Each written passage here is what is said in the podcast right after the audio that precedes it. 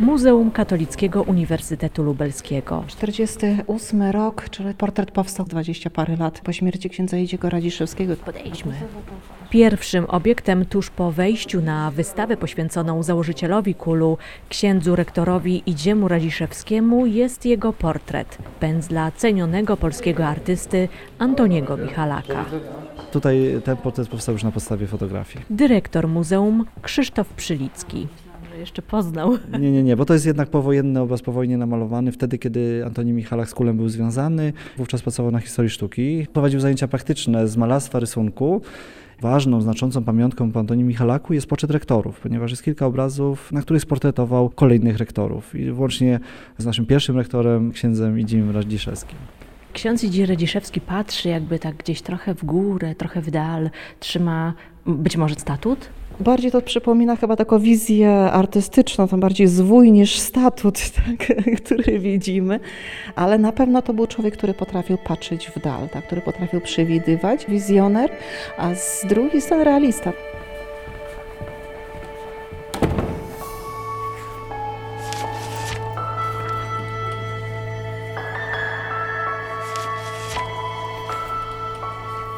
Szczupły, średniego wzrostu, miał siwawe, dawniej ciemne włosy, niebieskie, a raczej szare, głęboko osadzone oczy, duże, szerokie czoło, delikatnie skrojone usta, wyraźnie zarysowany słowiański nos. Jego życzliwe spojrzenie, spokojny ton głosu, jego opanowane ruchy i ogólna postawa budziły zaufanie. Studenci określali księdza Idziego Radziszewskiego takim hasłem Święty Idzi wszystko widzi. Iryna Wodzianowska jest kuratorką wystawy. Pracuje w Ośrodku Badań nad Dziejami Katolickiego Uniwersytetu Lubelskiego.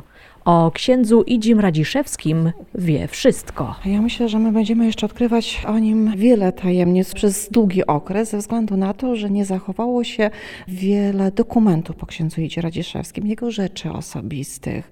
W związku z tym na wystawie udało nam się zgromadzić też część rzeczy, które w ogóle są po raz pierwszy pokazywane i niektóre rzeczy zostały rzeczywiście odkryte, tak? niektóre zdjęcia księdza Idziego Radziszewskiego, czy ze zbiorów rodzinnych fotografie, po raz pierwszy jest zdjęcie na przykład kilkuletniego Idziego z mamusią i z bratem. Więc tajemnic o księdzu Idziem Radziszewskim w zasadzie było takie odkrywanie jego osobowości. Dlatego, że to nie był charyzmatyczny kaznodzieja, to nie była osoba, która bardzo przyciągała do siebie ludzi, ale ta charyzma jego była taka cicha i spokojna. Na pogrzebie padły słowa cicha wielkość. I myślę, że te słowa najlepiej go odkrywają, dlatego że on potrafił w niezwykle trudnych warunkach przekonać do swojej idei ludzi, całą rzeszę ludzi, pochodzących z przeróżnych środowisk przedsiębiorców, finansistów, środowisko naukowe, duchownych. Przecież pierwsi wykładowcy, którzy przyjechali, to niekoniecznie byli ludzie niezwykle wierzący ale oni na tyle szanowali księdza Jedziego Radziszewskiego, że przekazywali tylko swoją wiedzę, kształtowali postawę patriotyczną. I to było właśnie niezwykle istotne, że to był człowiek, który potrafił przekonać ludzi do ciężkiej pracy, a to jest chyba niezwykle trudne. Na wystawie próbowaliśmy odtworzyć jego gabinet. Biurko jest epoki. No niestety II wojna światowa poczyniła spustoszenia. Nie zachowały się autentyczne rzeczy z pierwszego wyposażenia akurat na biurku, które się tutaj znajduje. Przypuszczamy, że skromnie to biurko mogło wyglądać. Na pewno był to bardzo skromny człowiek, na pewno to wyposażenie uniwersytetu było też bardzo skromne ze względu na problemy finansowe i generalnie na ówczesną sytuację też gospodarczą kraju. Natomiast mamy tutaj rzeczy autentyczne, które należały w tej pierwszej witrynie do księdza Jedziego Radziszewskiego. Wnuczka jego siostry przekazała nam chociażby obrus księdza Jedziego Radziszewskiego, tu mamy zresztą za jego monogramy, srebrną łyżeczkę i też część zdjęć z rodzinnych zbiorów. Obrus znajdował się w Lublinie, więc na pewno był na naszym uniwersytecie. Został przekazany właśnie po śmierci Dziego Radziszewskiego rodzinie i wrócił do nas w zasadzie po prawie 100 latach.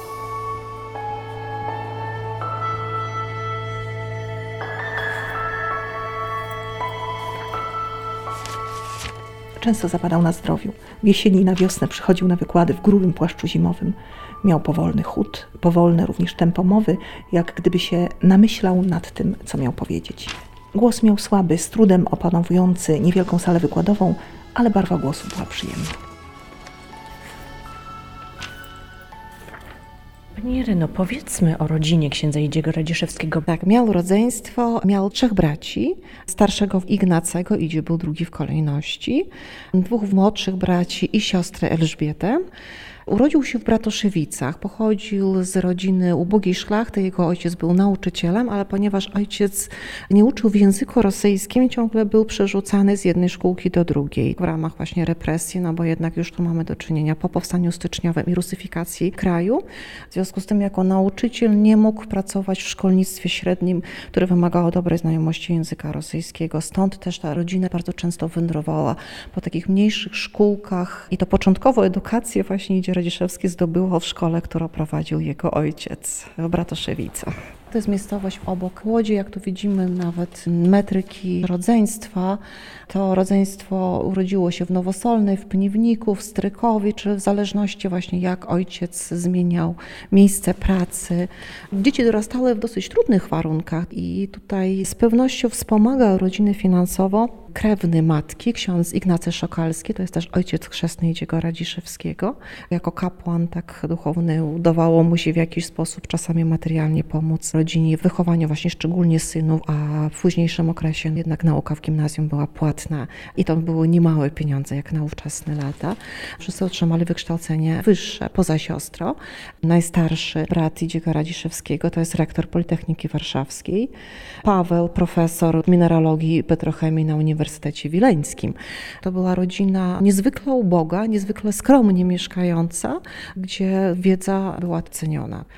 Przekazy rodzinne opowiadają nam o ciotce Idziego Radziszewskiego, siostrze ojca, która też pomagała w wychowywaniu dzieci, której narzeczony zginął w trakcie powstania styczniowego i ona pozostała do końca życia właśnie w żałobie po nim i też ogromny udział jej w uczeniu właśnie historii kraju, języka polskiego, ale też języka francuskiego, więc starano się właśnie tutaj tę edukację utrzymać jak na najlepszym poziomie. Idzie Radziszewski utrzymywał przez cały okres swojego życia kontakt z braćmi, odwiedzał braci, odwiedzał siostrę. Siostrze właśnie Elżbiecie dawał ślub w 1903 roku w Łodzi. Poza tym także siostrzynice, bratanice, bratankowie odwiedzali go, odwiedzali go we Włocławku, odwiedzali go w Lublinie. Na pewno odwiedzał we Włocławku także mamę, która zamieszkała później właśnie ze swoją córką. Konstanty to był tato, Konstanty Marceli Radziszewski, a mama Józefa z Biernackich. Ojciec zmarł wcześniej, matka kilka lat po śmierci Idziego Radziszewskiego. Tu mamy właśnie takie piękne zdjęcie mamy Idziego Radziszewskiego, właśnie pani Józefy, starszy brat Ignacy i właśnie Idzie Radziszewski. Mundurka gimnazjalnej, czyli prawdopodobnie jest to zdjęcie z okresu z gimnazjum w Kaliszu. Idzie Radziszewski może tu mieć 10 lat. W obcowaniu był ujmujący, sugestywny, swą postawą nakłaniał do uznania jego zdania za słuszne, choć go nie narzucał. Zachowywał wobec rozmówcy dystans i unikał zewnętrznej serdeczności. Pociągał i przekonywał, nie stosując długich wyjaśnień czy uzasadnień. Nie tylko wśród młodzieży cieszył się takim szacunkiem, także wśród duchownych i świeckich miał oddanych sobie ludzi, którzy mu ufali i pomagali w realizowaniu jego śmiałych, dalekosiężnych zamiarów. Ciekawe zdjęcia, które nam przekazała rodzina, to jest właśnie tu jeszcze zdjęcie przed święceniami, prawdopodobnie z kolegami kursowymi z seminarium duchowego właśnie we Włocławku około 1893 roku.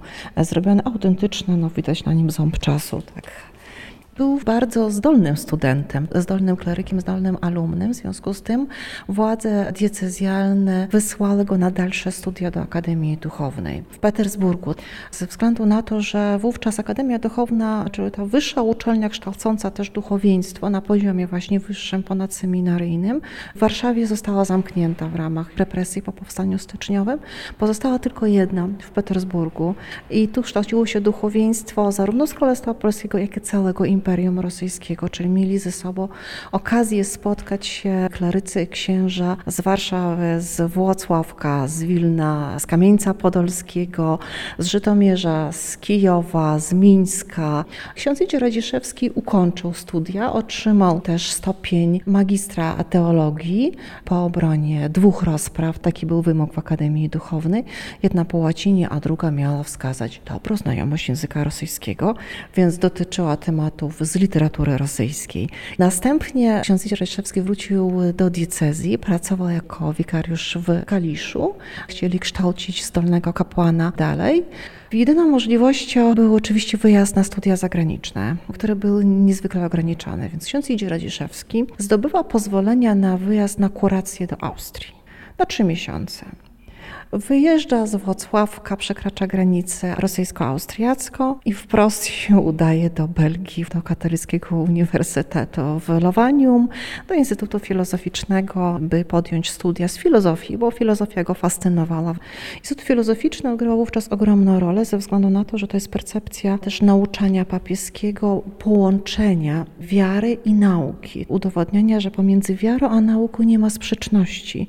Niezwykle nowoczesne podejście, które później idzie Radziszewski przynosi do Włocławka, do Petersburga, a następnie właśnie do Lublina. Katolicki uniwersytet, który ma obejmować wszystkie nauki i kształcić we wszystkich dziedzinach, nie tylko teologii. To zaczerpnął właśnie ze swoich studiów. Inny taki rys typowo lowański to jest ogromne zżycie profesorów i studentów, spędzania razem wolnego czasu, bezpośredni kontakt pomiędzy wykładowcą a studentem, wymiana myśli, dyskusje, rozmowy. Więc to, co miało miejsce też w pierwszych latach funkcjonowania naszego uniwersytetu. Wyjazdy do Nałęczowa, do Puław ze studentami. Na drabiniastych wozach jechali bez warunków luksusowych i towarzyszył właśnie im ksiądz rektor organizując egzaminy, żeby odstresować studentów, powiedział: Kochana młodzieży, nie bójcie się, i wniósł herbatę i ciastka. Uznawał, że student powinien się kształcić w kontakcie z mentorem, to co dzisiaj mówię, tutoring. Bardzo dzisiaj popularne kierunki kształcenia, nauczania to było wszystko to, co wniósł z Lowaniu.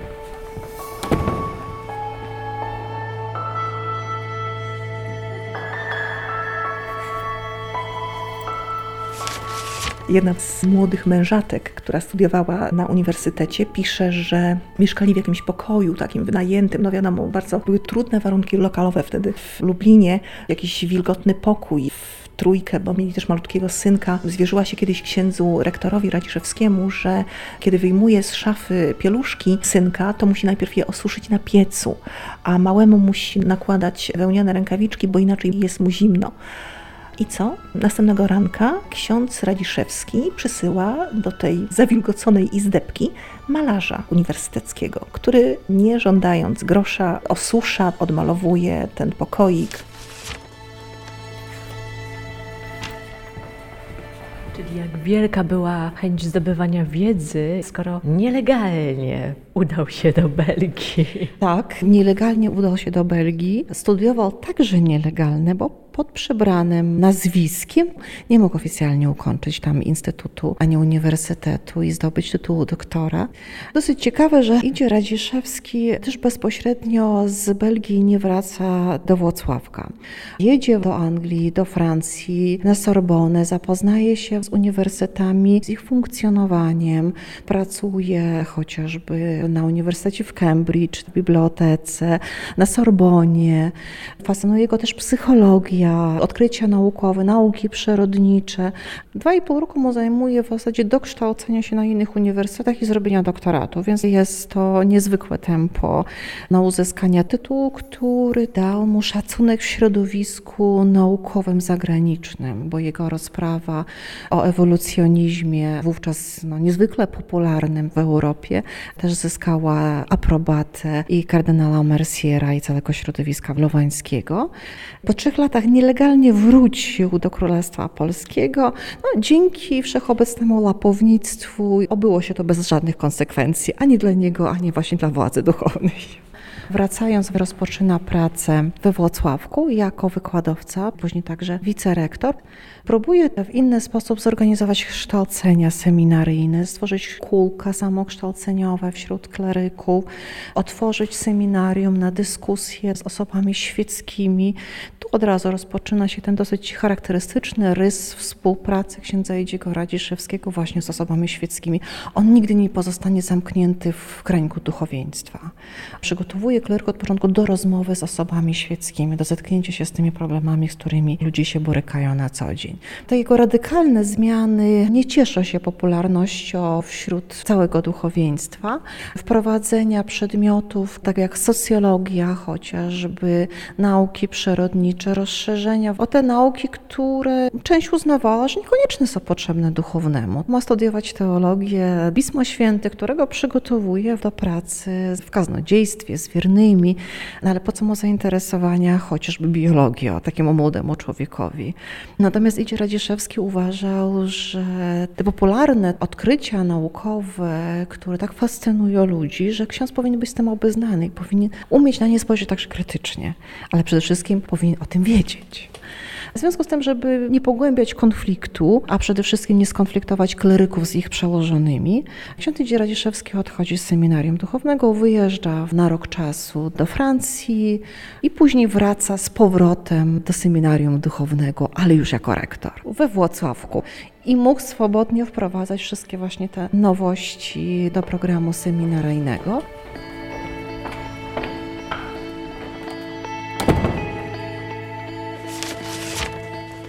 Cechą charakterystyczną księdza rektora była dbałość o rozszerzenie naszych horyzontów umysłowych. Przytoczę tu pewien znamienny epizod znany mi jako pracownikowi Biblioteki Uniwersyteckiej. Kierowniczka biblioteki była zmartwiona, że początkujący studenci chcieli wypożyczać książki jej zdaniem niewłaściwe, na przykład Żywot Jezusa Renana. Zwierzyła się z tego kłopotu księdzu rektorowi, prosząc o radę i odgórne uregulowanie tej sprawy. A ksiądz rektor odpowiedział: A kiedyż mają czytać, jeśli nie teraz?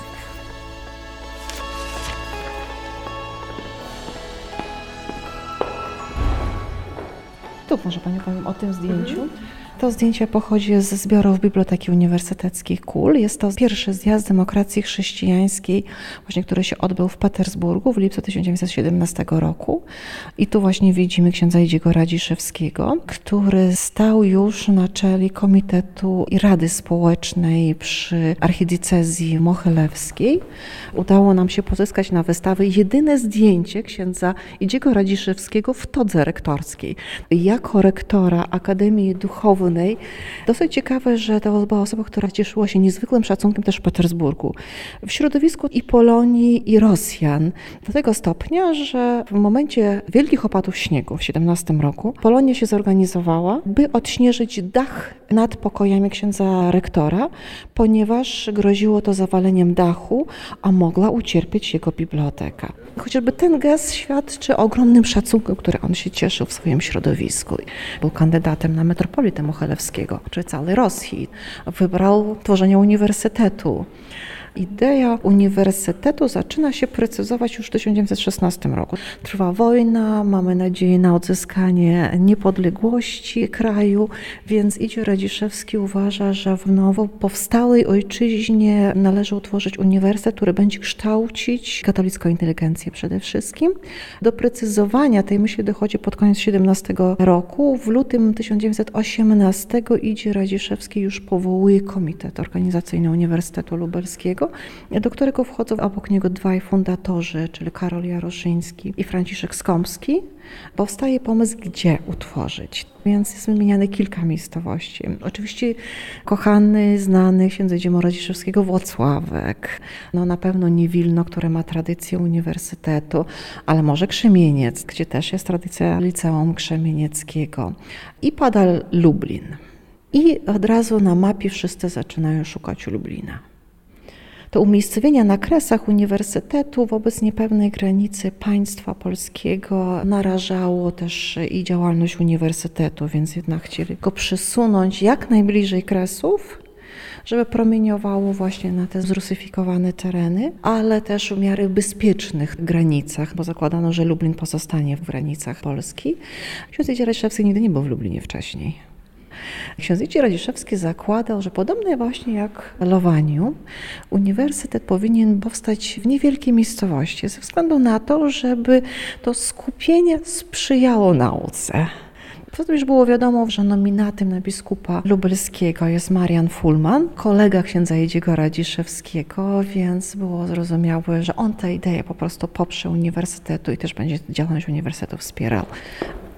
26 lipca 18 roku Idzie Radziszewski przyjeżdża do Warszawy właśnie na posiedzenie Episkopatu Polskiego, by uzyskać zgodę Episkopatu na utworzenie katolickiego uniwersytetu i musi przekonywać episkopat ze względu na to, że jest to kraj zniszczony wojną. Utworzenie uniwersytetu to są stałe środki finansowe.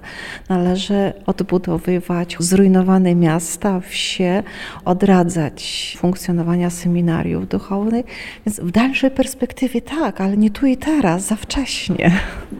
Te dwa listy intencyjne, które jeden widzimy w tej kaplocie, w następne, właśnie Karola Jaroszyńskiego i Franciszka Skamskiego, które się zobowiązują, Karol Jaroszyński przez rok utrzymania uniwersytetu w całości, a także milion rubli zapisuje na powstanie miasteczka akademickiego, tak, na utworzenie gmachu uniwersyteckiego, zbudowania biblioteki i później też utworzenia towarzystwa, które będzie wspierało także finansowo uniwersytet. Inicjatorem i duszą całej akcji był ksiądz Idzi Radziszewski.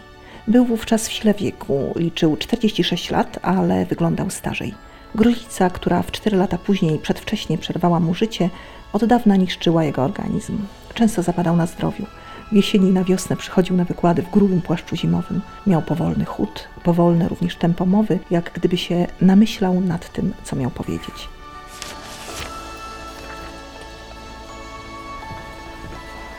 Więc takich historii jest całe mnóstwo. Zresztą tutaj też się zachowały przepiękne listy studentów do księdza Jedziego Radziszewskiego. Proszę zobaczyć, Rembertów, 20 rok, powołania studentów do wojska i właśnie z tych koszar wysyłają pozdrowienia księdzu Jedziemu Radziszewskiemu. Te relacje właśnie ze studentami były niezwykle osobiste. Jeden ze studentów wspomina, że ksiądz Idzie Radziszewski z nim tylko wykonał jedną rozmowę i on do końca swoich dni był takim człowiekiem, jakim on by chciał, żeby on był. Bardzo go kochali, chociaż wszyscy przyznają, że był niezwykle wymagający.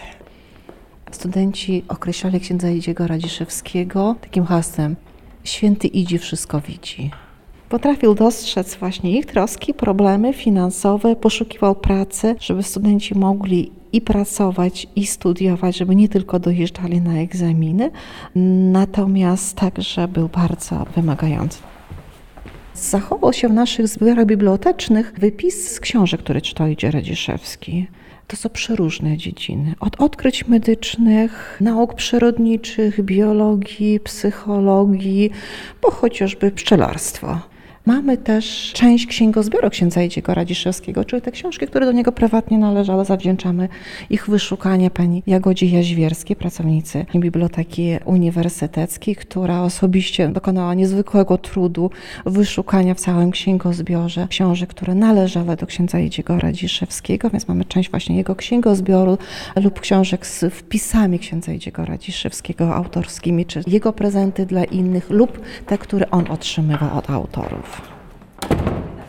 Jagoda Jaźwierska jest kustoszem naukowym Oddziału Zbiorów Specjalnych Biblioteki Katolickiego Uniwersytetu Lubelskiego. Jest też autorką książki o pierwszej bibliotekarce Uniwersytetu Emilii Szelidze-Szeligowskiej. Tutaj również posłużę się tymi wspomnieniami. Emilia zapytała o to, czy ma wyłączać z udostępniania książki antyreligijne, tak to określiła, a ksiądz Radziszewski odpowiedział jej nie. Wiedza jest wolna, tylko należy tak głęboko i wszechstronnie rozwinąć umysły młodzieży, żeby umiała odróżnić prawdę od fałszu. Jak jeszcze patrzę na ten portret, Michalak świetnie oddał charakter księdza Idziego Radziszewskiego. Natomiast tak mi się zdaje, za plecami księdza Idziego Radziszewskiego widzimy ten dziedziniec kulowski i gmach, czyli tak jakby to było tu, jakby on tutaj gdzieś był. Tak, właśnie mamy go pośrodku dziedzińca uniwersyteckiego, usytuowano właśnie przed pokojami rektorskimi, bo akurat w tej części, w której się znajdujemy piętro wyżej, ksiądz Idzie Radziszewski mieszkał. Był to budynek, w którym mieściły się koszary, popularnie określane w Lublinie jako koszary świętokrzyskie. Budynek, który otrzymali, w zasadzie nie nadawał się nawet na renowację, tylko na odbudowę.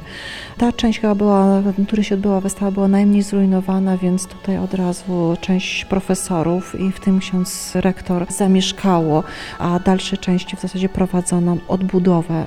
W związku z tym no, rzeczywiście chodzimy po śladach księdza Jedziego Radziszewskiego. Jesteśmy w tym miejscu, po którym on już wędrował w 21-22 roku.